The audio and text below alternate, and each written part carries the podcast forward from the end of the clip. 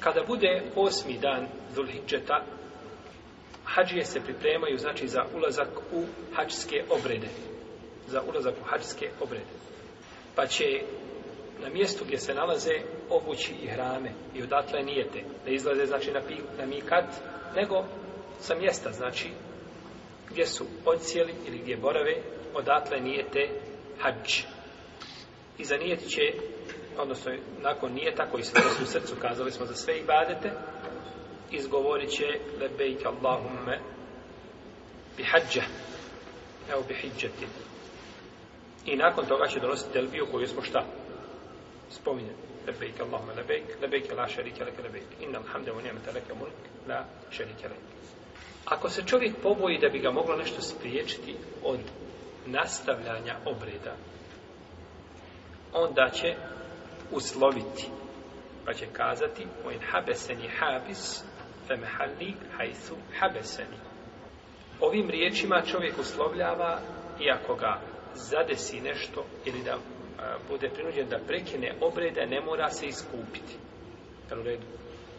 Čovjek, na, na primjer, zna da ima stvar koja ga može lahko spriječiti od nastavljanja hađskih obreda i da ih mora prekinuti.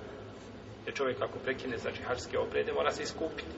A ovako se ne bi morao iskupljivati, nego znači time biti uslovio. Izlazi osmog dana Zulhidžeta i on mu teruje na minu. Izlazi na mini. I boravi na mini, klanja na mini pet vakaka, pet namaza. Klanja podne i ikindiju, akšam i aciju i sabah devetog dana Zulhidžeta.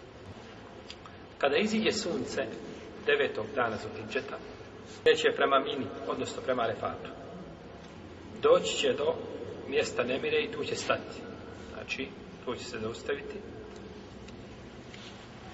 Dok ne nastupi podnevsko vrijeme.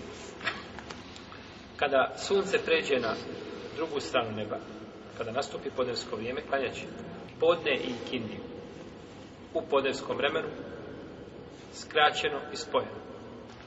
Klanja dva namaza jednim ezanom i sa dva ikameta bez sunneta. Bez sunneta. Nakon toga slobodan je i spreman za ibadet do zalaska sunca. Dova, zikr, učenje Kur'ana, dići će svoje ruke, okrenut se prema kibli, a neće se okrećati prema džebelu rahme, nego se okrene prema kibli. I tako čini dok ne zađe sunce. Kada zađe sunce, krenut će sa arefata. Mirno, skrušeno i uputi se prema muzdelifi. Kada dođe na muzdelifu, klanjaće akšam i jaciju u jacijsko vrijeme. Poslanik sallallahu alejhi ve sellem je klanjao, spojio i skratio u jacijskom vremenu. Sa jednim ezanom i dva i kametom. I tu će ostati do zore. I neće klanjati ništa po noći. Ništa poslanik, sallallahu sallam, te večeri nije klanjao. I ne treba izlaziti van okvira upute poslanika, sallallahu alaihi wasallam, jer niko bolje nije poznavao vrijednosti badeta i niko nije bio bogobojazni od Rasulullaha sallallahu alaihi sallame, ali je on to već je proveo u odmor. Potom će klanjati sabah namaz. Dana, kog dana? Bajrama. Dan Bajrama. To je dan Bajrama. Potom će se staće na El Mešar il Haram i okrenuti se prema Kibli dobiti. Šta je El Mešar il Haram? Tu se ulema spori i razilaze se. Da li je to jedno mjesto na Muzdalifi ili je to cijela Muzdalifa? Imate različite mišljenja kod islamskih učenjaka i tako će činiti do, dok se dobro ne raspane. Neće čekati šta, izlazak sunca, nego dovi dok se ne raspane.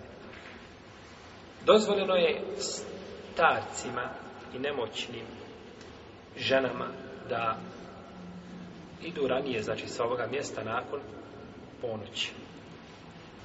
Krenut će dalje nakon boravka na muzdelifi, nakon što klanja saba i nakon što se dobro rasvani, a neće čekati izlazak sunca, kreće prema min. Tačnije prema džemaratima, mjestima gdje se, ili mjestu gdje se bacaju kamenčići. Kada dođe do kada dođe do mjesta gdje se bacaju kamenčići, tada će prekinuti sa telbijom. Potom će baciti sedam kamenčića na velikom džemaretu. To je džemr, džemrat koji je najdelji od mine, a najbliži meki. Znači na zadnjem, pa se prolazi prvi, onda se ide, drugi se prolazi i onda se dolazi od trećeg. To je na znači, džemratu kubra i tu se vraca, znači, sedam kamenčića. Sa svakim kamenčićem, znači, baca kamenčiće i donosi tekbir. Kada god baci kamenčić, donese tekbir. Baca jedan za drugim jedan po jedan. Kada bi bacio svih sedam u istom mahu, to se računa jedan. Nakon što je bacio ovih sedam kamenčića, ima etahadun eleuvel. Tada je desilo se ono prvo oslobađanje. Sve mu je halal što mu je bilo zabranjeno, a vidjet ćemo šta je to čovjeku zabranjeno u hramima, šta ne smije raditi. Sve mu ćemo tome govoriti tada mu je dozvoljeno sve osim odnosa sa ženom. Sve osim odnosa sa suprugom. Potom će zaklati hedi, što mi kažemo kurban, jel? To je tako bilo nekada, ljudi su klali sobom. No, međutim, danas je to organizovano, znači uplati se klanje kurbana na toliko i toliko osoba i znači imaju posebne mjesnice koje to rade, da, to rade, da se mjese odmah ovaj, uh, zamrzne i slično tome, znači da neće, da ne propada. Tako da je to danas, hvala Allahu, riješeno i jako se, znači, efikasno s te strane ovaj, a, rješava jel, ovaj problem koji je ranije predstavljao jeli, zaista veliku problematiku. Ako nema mogućnosti da kolje kurban, a obavljao je temetua ili kiran, on će postiti tri dana na hađu sebatin i darađatum i sedam dana kada se vrati sa hađem i na takav način jeli, upotpuni ono što nije mogao upotpuniti klanjem kurbana. Potom će obrijati svoju glavu. Žena krati koliko je li za vrh prsta, koliko je jagodica. 2 cm skrati, cm, dovoljno je. Računa se kraćenje. Ako žena u vremenu hapskih obreda ili neposredno prije hađa dobije ciklus ili se porodi, primjer radi, jeli, pa želi da nastavi hađ, ona će činiti sve što rade hađije. Zajedno hađijama. Neće klanjati, naravno, jel? Telbio donosi zik, uči, znači, kamenčiće baca džemrete, boravi na repatu, znači, ništa.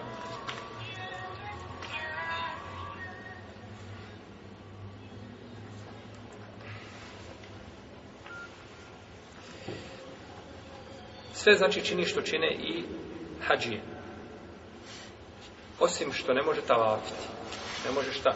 On je sad o hađijskim obredima, jer ono što tiče hađije. Ne može tavafiti.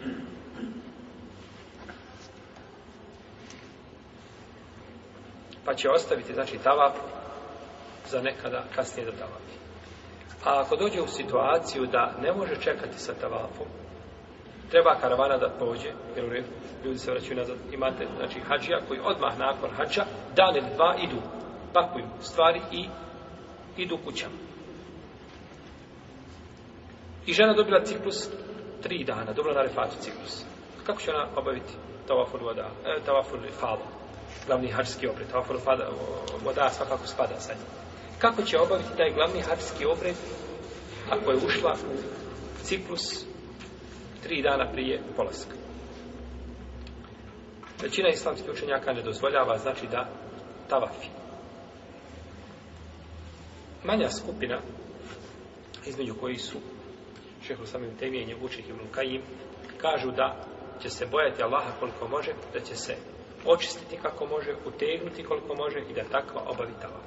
Da uzvišenje Allaha ne utrećuje čovjeka mimo njegove mogućnosti da je to ono što ona može. Ona više od toga ne može.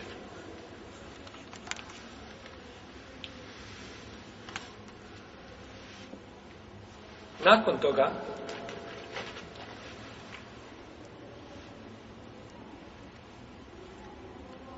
odlazi se na minu. Svakako je nakon ovoga tavafa imamo šta? Saj, on se obavi i vraćaju se hađije na minu i borave na minu dane tešrika 11. i 12. dan tešrika ili eventualno 13.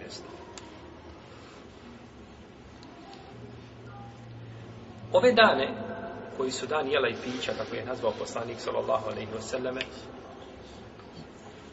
a nisu dani posta hađija boravi na mini i baca kamenčiće. 11. dan Zulhidžeta, to je prvi dan od dana Tešrika. Bacaju, znači, kamenčiće nakon, jeli, borave to veće i sutra dan 11. dana Zulhidžeta, izlaze da bacaju kamenčiće. Poslije zevala, odnosno poslije nastupa podnevskog vremena. Do akšama, to je najbolje vrijeme, znači da se bace kamenčići. Bacaju se kamenčići na sve tri džemreta prvi put je prošao prvo i drugo džemre, išao je na treće, koje je najbliže Mekke. A sada počinje od prvog, malog, pa srednjeg, pa velikog džemre. Kada baci na prvom i na drugom, izdvojit će se u stranu i učiti dobu, dugo. Poslanik sa osrame učio dugo, dugo, dugo nakon bacanja. Potom je nastavio do narednog. Kada baci na trećeg, neće dobiti. Nakon trećeg ide nazad, sada pravi krug jedan nazad i vraća se ponovo na minu. Jer je minu ostavio za svoj štap. Leđa, mislimo na minu, jel na šator gdje je boravio. Isto to će učiniti i 12. dana Zulhidžeta. Drugog dana, znači, od dana Tešrika. Na isti način, kao što je činio, tako će činiti, znači, i ovdje. Potom, 12. dana, kada baci kamenčiće, ide u Meku. U, znači, mjesto gdje je ocije, u svoj hotel. Ako želi. A bolje mu je i preče da se vrati nazad, pa da boravi još jedno veće na minu. Pa ako odluči da boravi to veće na minu, ili ga zatekne akšemsko vrijeme, 12. dana Zulhidžeta, odnosno bolje kazati, ušao je 13. dan, jer zalaskom sunca šta ulazi? 13. dan u tom slučaju, ne može više otići sa mine. Mora ostati to već. Znači mora ostati, više nema izbora. Mogao si prije od podne do zalaska sunca si imao izbor, ako želiš ići. No, međutim, ako zađe sunce, a ti se nalaziš na mini, moraš boraviti još jedno šta? Još jedno večer. Za razliku jedino ili slučaj čovjek koji bi krenuo, otišao, bacio, vratio se nazad, uzeo i krenuo i negdje ga zauhvati, uhvati ga nekakva gužva ili upadne gužva i slično tome, taj čovjek nije šta. Jer svojim izborom ostao. Nije. Dakle, ostaje treći dan i postaje z nastupa podevskog vremena klanja baca e, sve tri kamenčića isto tako i nakon toga ide prema Meku. Ako ga uhvati Akšam, ne smeta. Jer ovo je treći dan, znači, to već je nakon tog večera, već je, ko bi boravio tu, kažemo, to nije ispravno, to je bidat. Jer to nije radio poslanik sa Da je trebalo to četvrto večer boraviti, boravio bi ga poslanik sa osaleme i njegovi ashabi. Nakon toga, shodno planu i programu jeli karavane sa kojim je došao. Neki idu ranije, neki kasnije, u svakom slučaju, kada želi napustiti Meku, odnosno krenuti nazad ka svome rodnom mjestu, dužan je da obavi, dužan je da obavi tavaf od voda. A to je tavaf, znači, oprosni koji se obavlja na kraju hađskih obreda, time se završavaju i pečate hađski obredi. I to treba da bude zadnja stvar u koja se čini, znači,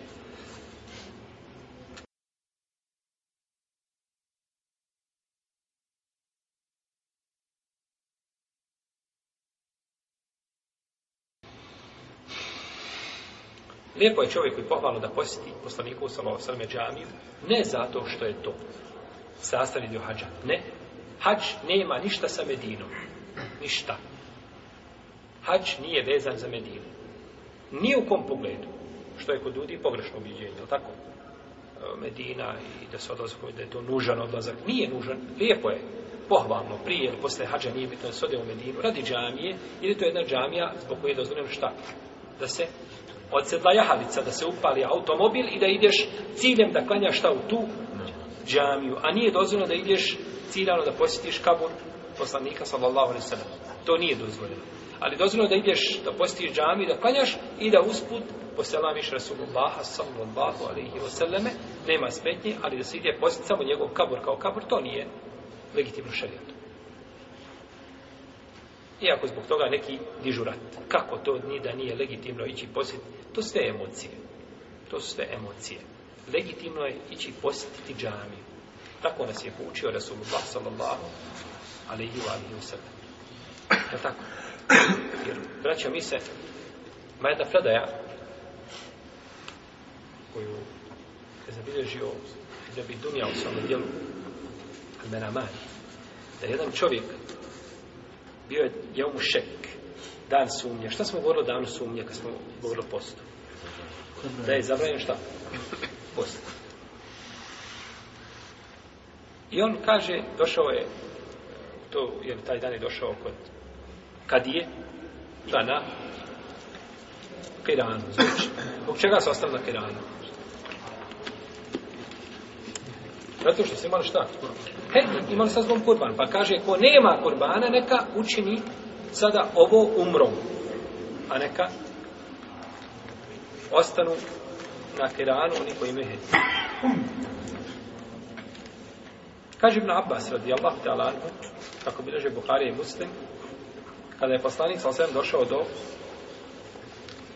Zutuva to je mjesto blizu Meke I tu je boravio, rekao je ko želi od vas da učini ovo umrom, neka učini to umrom. Potom im je naredio, sallallahu alaihi wasallame, naredio je ashabima koji nemaju sa sobom kurbana da nijete umru, znači da budete metro i da nakon toga skinu svoju jeli, odjeću do hađe. Odnosno da skinu jeli, hram. Kaže Aisha radijallahu ta'ala, izišli smo sa poslanikom sallallahu alaihi wa sallame i nećemo nego hađ, nije timo hađ, je li tako? Pa kad smo došli u Meku i obavili tavaf, naredio nam je poslanik sa ostaneme, onima koji nemaju hedija sa sobom, da to učine šta? Umro. Da to učine umro. Kaže, pa su tako uradili oni koji nisu imali hedija, a žene poslanika sa osrem nisu imale sa svom šta? Hedija. To znači one tako postupili. Pa je poslanik sa osrem ovdje naredio da to znači bude da to bude omra. I na osnovu ovih predaja islamski učenjaci se razišli znači šta je ovaj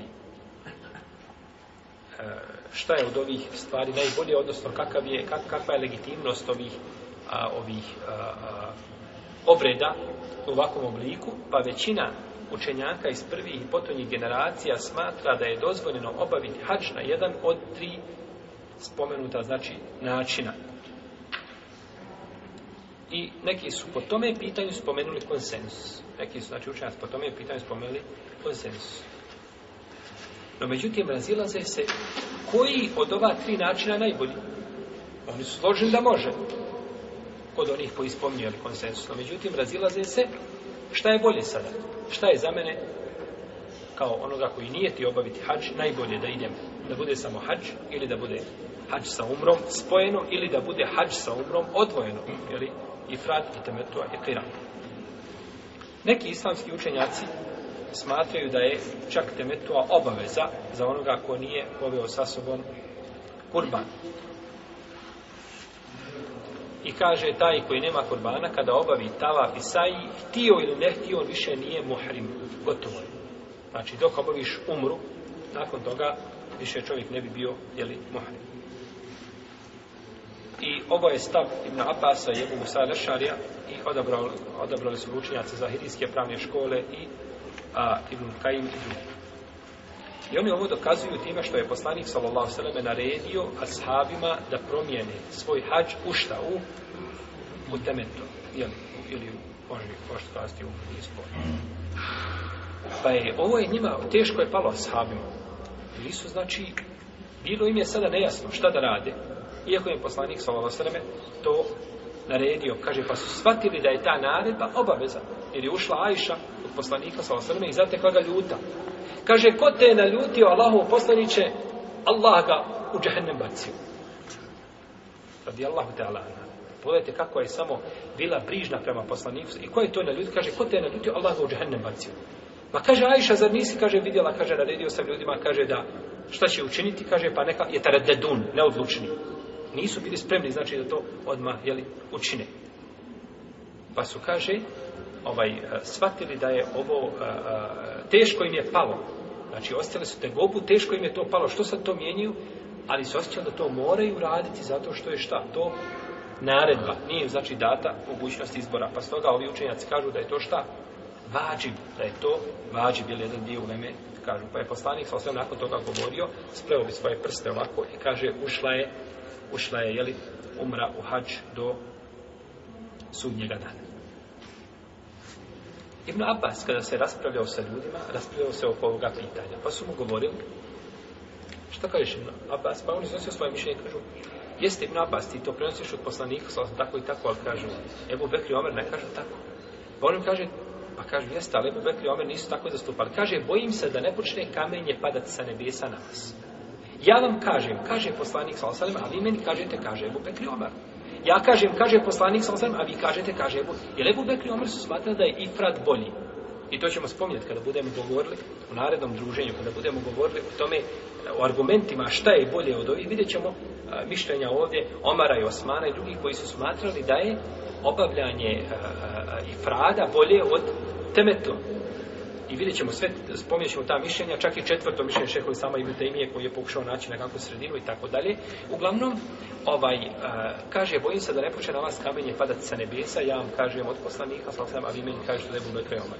Jer koliko god da je Bubekri Omar, ovaj, kakav god da stepen imali, no međutim, ne može se oponirati riječima Bubekra, ne može se oponirati riječima poslanika, eh, ili ne mogu biti ovaj snaga pred riječima poslanika, sallallahu alaihi wa alihi wa sallam. a, onaj ko dođe dakle na mikat a nema sa sobom hedija obavezan je da u tom slučaju nijeti samo umru takav će nijeti samo umru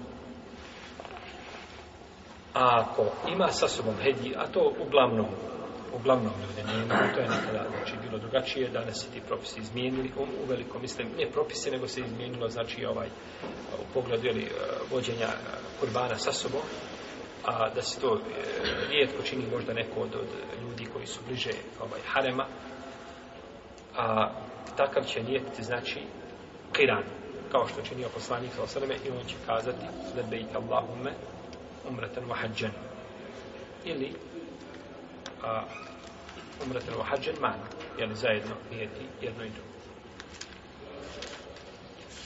pa ćemo išao u našem narednom druženju govoriti o ovim ova tri načina obavljanja u smislu eftalijeta. Šta je to bolje i šta su islamski učenjaci kazali po, po tome pitanju. Allah te bar tala nas poučuje. Sumet poslanika sallallahu alaihi wa sallam i da nas učvrsti na istini i da nam omogući da obavimo hađ onako kako ga obavio poslanik sallallahu alaihi wa sallam i da učini hađem mebrurem Allah te ala sallallahu alaihi wa sallam ala alihi wa sahbihi